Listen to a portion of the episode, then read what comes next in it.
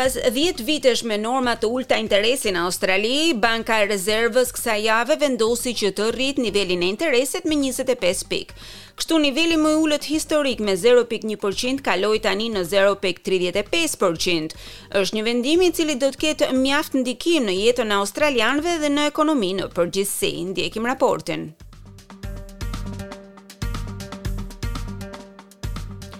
Është norma e parë e interesit e cila rritet në 11 vite, por të prekurve nuk u është dashur shumë kohë për ta kuptuar se kjo rritje do të sjellë ndryshime për ta. Ramon Gupta filloi që të kursente për të blerë shtëpinë e saj kur ishte vetëm 18 vjeç. Tani rreth të tridhjetave ajo ka arritur që të blejë një apartament me dy dhoma gjumi në periferinë jugore të Sidneit në Rockdale. Ajo mori çelësat e shtëpisë disa ditë përpara se Banka e Rezervës të rriste normat e interesit. Lajmi e bëri që të ndihet e shqetësuar, sepse ajo e di se tani duhet që të shpenzojë më shumë në lidhje me pagesat e shtëpisë. It'll probably be on money spent on you know things like takeaways, Uber Eats. Do të kursejë më shumë për gjëra të tilla si ushqimet, Uber Eats, daljet jashtë, gjërat argëtuese do të jenë të parat që do të shkurtohen. Kjo do të thotë se do të bëjmë një sakrificë, është një sakrificë që e bëjmë të gjithë, apo jo? Zonja Gupta e ka ndarë kredinë e saj në dy pjesë, 236.000 dollarë në një normë fikse dhe 233.000 dollarë në një normë të ndryshueshme. Por norma fikse është e mbyllur vetëm për dy vite dhe ajo ka frikë se kur të dalë nga kjo normë, shifrat e interesit do të jenë shumë më të larta. Megjithatë, thotë ajo, ndihet me fat për disa arsye.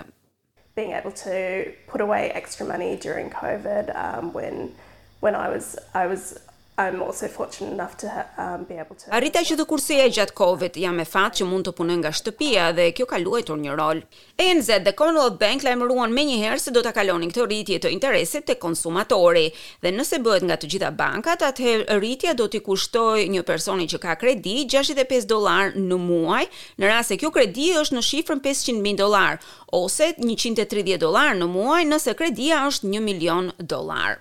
Sally Tindall nga faqja e krahasimit të kredive Rate City thotë se ky është vetëm fillimi.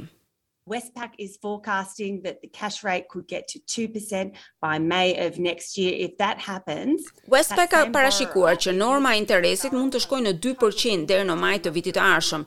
Nëse ndodh kjo, i njëjti huamarrës do të shohë një rritje prej pesëqind e njëmbëdhjetë dollarësh çdo muaj.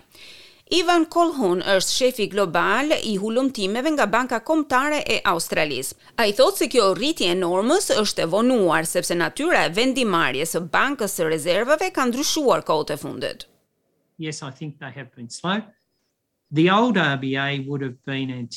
Mendoj se u treguan të ngathët në këtë drejtim.